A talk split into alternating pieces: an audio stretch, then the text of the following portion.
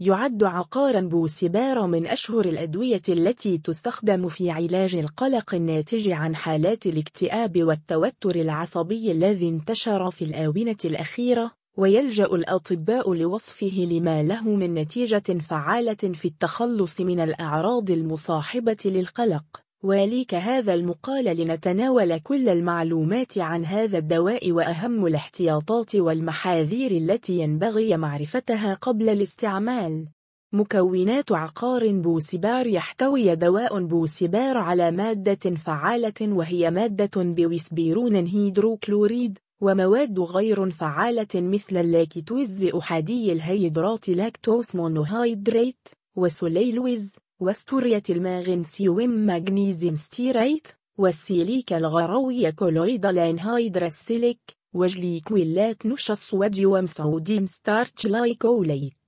الشكل الدوائي لعقار بوسبار يوجد دواء بوسبار على هيئة أقراص بتركيز واحد صفر مجم وتركيز آخر هو 15 مجم وتكون فيه الإقراص قابلة للتقسيم المتعدد حيث يمكن تقسيم القرص الواحد إلى نصفين من جهة وتقسيمها إلى ثلاث أجزاء من جهة أخرى مما ييسر حساب الجرعة المطلوبة خصائص دواء بيوسبار يحتوي عقار بيوسبار Buspar على مادة بيوسبيرون هيدروكلوريد buspirone التي تساعد على التخلص من القلق. ليس فقط وحسب وإنما أيضا التخلص من أعراض القلق العام GAD مثل التوتر وصعوبات النوم وزيادة ضربات القلب والتعرق كذلك لا يعد بوسبار مثيلا كيميائيا للبنزوديازابيين benzodiazepines أو الباربيتيورات barbiturates أو باقي الأدوية المهدئة والمضادة للاكتئاب. مادة بوسبيرون من مشتقات الأزابيرون azapirone التي لها تأثير فعال في التخلص من القلق فهي تعزز نشاط الناقلات العصبية في الدماغ مثل السيروتونين سيروتون والدوبامين دوبامين لكن تأثيرها على مستقبلات السيروتونين تكون أعلى مما يزيد من نسبة السيروتونين بالمخ وزيادة الإحساس بالسعادة والتخلص من القلق.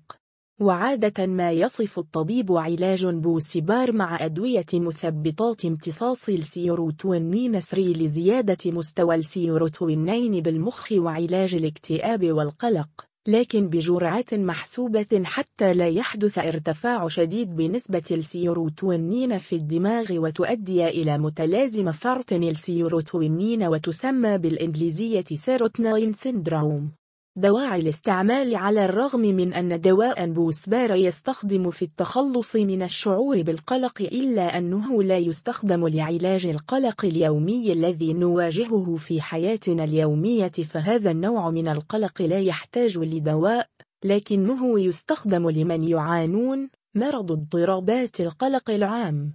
أعراض القلق المصاحب للاكتئاب. أعراض القلق الناجم عن الإرهاب الاجتماعي. الانفعال والعصبية. الكتاب الحاد والوسواس القهري.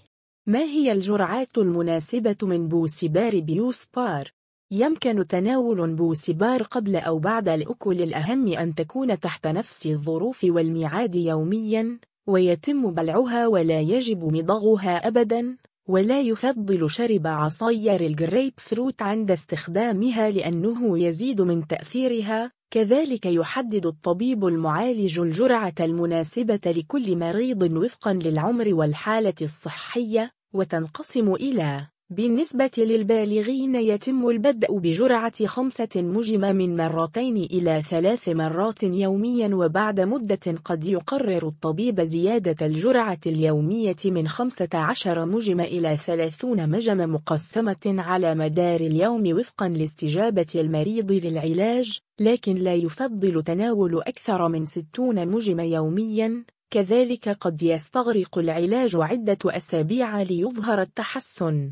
بالنسبة للأطفال لا يستخدم البوسبيرون للأطفال والمراهقين أقل من 18 سنة مرضى الكبد والكلى قد يصف الطبيب أقل جرعة ممكنة لمن يعانون أمراض الكبد والكلى وبحاجة ماسة لعقار البويسبار متى يبدأ مفعول بوسبار؟ على الرغم من أنه لا يجب تناول البوسبار لفترة طويلة إلا أن علاج التوتر قد يحتاج إلى أسابيع وممكن أن يصل إلى شهر لكي يظهر تحسن بالأعراض كما هو الحال في الأدوية الخاصة بعلاج الاضطرابات النفسية ماذا يحدث إذا زادت الجرعة أكثر من المطلوب؟ يلزم التوجه إلى المشفى على الفور إذا تم الإفراط في استعمال البويسبار مع أخذ العلبة ليتمكن الطبيب المختص من حساب الجرعة الزائدة فتناول جرعات كبيرة من هذا العلاج يسبب ظهور بعض المضاعفات أشهرها الدوخ والصداع طمين الأذن والآرق قلة ضغط الدم وقلة ضربات القلب صعوبة التحدث والبلع. فقد لتزان وتيبس العضلات. الشعور بالأعياء. الغثيان والشعور بالقيء. ماذا تفعل إذا غفلة عن الجرعة؟ يؤخذ البويسبار يوميا في نفس الميعاد وتحت نفس الظروف بانتظام سواء مع الأكل أو قبله لكن إذا غفلت عن ميعاد جرعة فلا بد من أخذها بمجرد أن تتذكر بشرط ألا تتناول جرعتين معا في نفس الوقت. موانع الاستعمال لدواء بوسبار بيوسبار هناك بعض التنبيهات والمحاذير التي ينبغي يتوخي الحذر منها عند استعمال البوسبيرون ولا بد من إبلاغ الطبيب في الحالات الآتية من لديه حساسية تجاه البوسبيرون أو أي من المواد غير الفعالة في أقراص بوسبار. من يعاني مشكلات في وظائف الكبد والكلى؟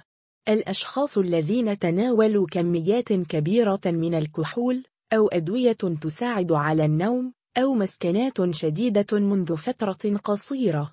من لديه صرع أو أي من المشاكل النفسية.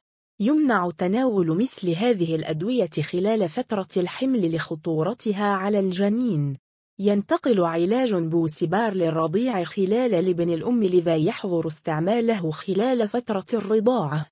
يحظر استخدامه لمن يعاني الضغط المرتفع للعين جلوكوم. يمنع استعماله لمرضى الوهن العضلي myasthenia gravis.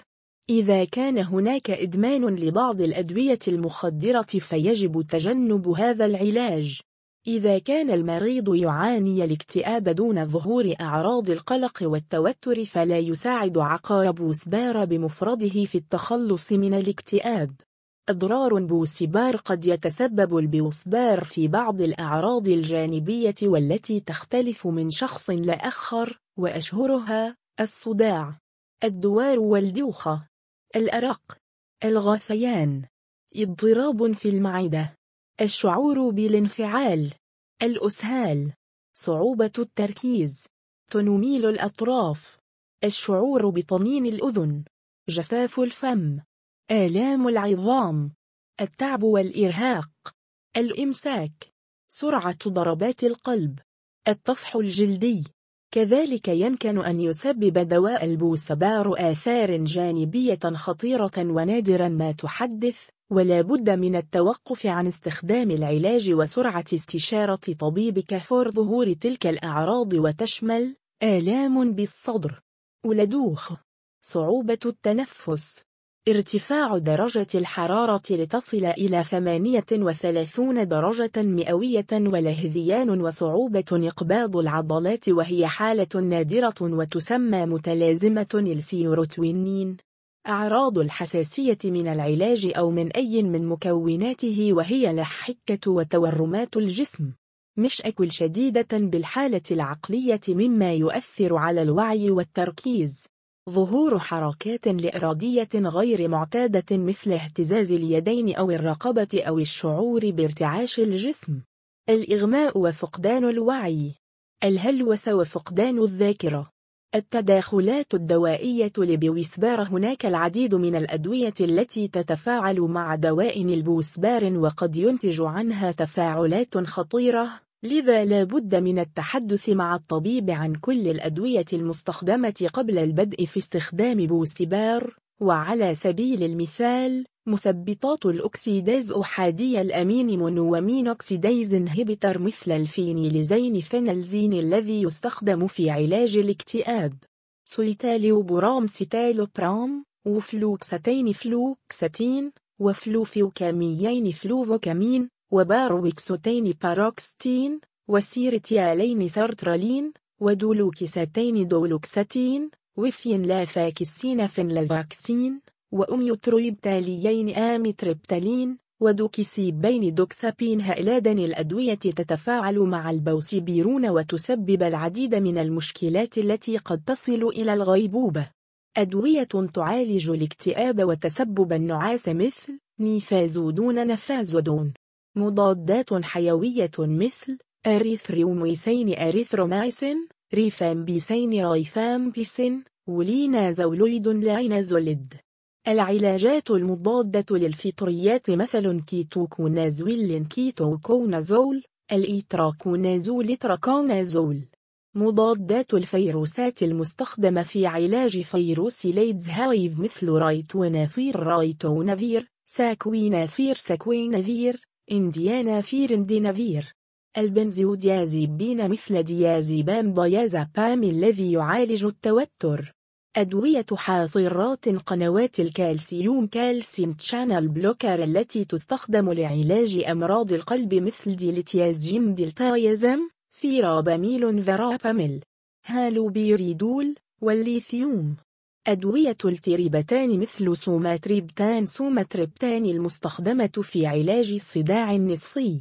ترامادول. tramadol باسط العضلات مثل باكلوفين baclofen. ديجوكسين ديوكسين لعلاج أمراض القلب. أدوية الصرع مثل كاربامازيبيين كاربامازابين وفينيتوين فانيتوين فينوباربيتال فينوباربيتال. سيميتيدين cimetidine لعلاج حموضة المعدة. أدوية سيولة الدم مثل وارفارين warfarin مضادات الحساسية antihistamine نابليون نابلون لعلاج الغثيان والقيء. لوفيكسيدين لوفيكسيدين. هل يمكن تناول لوسيترال مع بوسيبار؟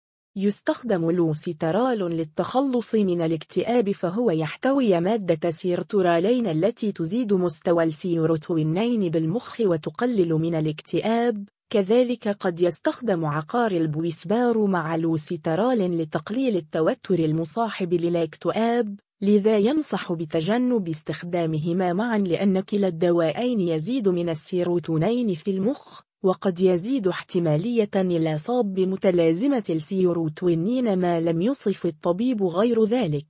بوسبار والنوم قد تزداد الحاجة للنعاس والشعور بالخمول وعدم التركيز خاصة في بداية استعمال العلاج أو عند زيادة الجرعة فلا بد من الامتناع عن القيادة أو استخدام الآلات مع بداية العلاج لحين يتم معرفة ما إذا كان العلاج يسبب النعاس أم لا. هل بوسبار مخدرات؟ عقار بوسبار من العقاقير التي لا يفضل استخدامها لفترة طويلة لأنها تسبب الأرتباط النفسي والجسدي للمريض ومع ذلك فهي ليست من المخدرات ولا تندرج تحت أدوية الجدول بدائل دواء بوسبار هناك بعض العقاقير المماثلة التي تحتوي على نفس المادة الفعالة للبوسبار ويمكن استخدامها بديلا للدواء وهي إسكويباريكزوبار بوسبيارون نيوروباس نوروباس. سيروبار سيروبار. بوس باليكسون بس بالكس كذلك توجد بعض العلاجات البديلة التي تحتوي على مادة فعالة أخرى لكن لها نفس التأثير ويمكن استعمالها عند وجود ما يمنع من استخدام بوسبار وهي أوكسيبام أوكسبام زاناكس زاناكس نايت كالم نايت كالم نودي براين نودي براين.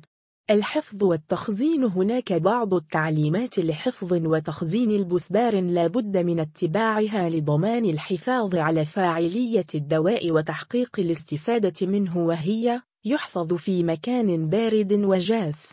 يحتاج العلاج إلى درجة حرارة أقل من 25 درجة مئوية للتخزين. يجب الاحتفاظ به بعيدا عن متناول الأطفال. يجب مراجعة تاريخ الصلاحية الموضح على العبوة وعدم استخدامه إذا كان منتهي. سعر دواء بوسبار يختلف سعر الأقراص من دواء بوسبار وفقا للتركيز ويتوفر بالصيدليات بسعر. علبة بها عشرون قرص تركيز عشرة مجم تحتوي على شريطين بسعر سبعة وعشرون جنيه مصريا. علبة بها عشرة أقراص تركيز خمسة عشر مجم تحتوي على شريط واحد فقط بسعر خمسة عشر فاصل خمسة وسبعون جنيه مصريا. وختاما قد تناولنا كل المعلومات الخاصة بدواء بوسبار وكيفية استعماله. كذلك تطرقنا إلى أهم المحاذير الواجب أخذها في الاعتبار عند تناول هذا العقار. ومعرفة الآثار الجانبية الناتجة عن استخدامه ومتى يتم استشارة الطبيب. كذلك تعرفنا على أشهر البدائل التي يمكن استعمالها إذا كان هناك ما يمنع استخدام هذا الدواء.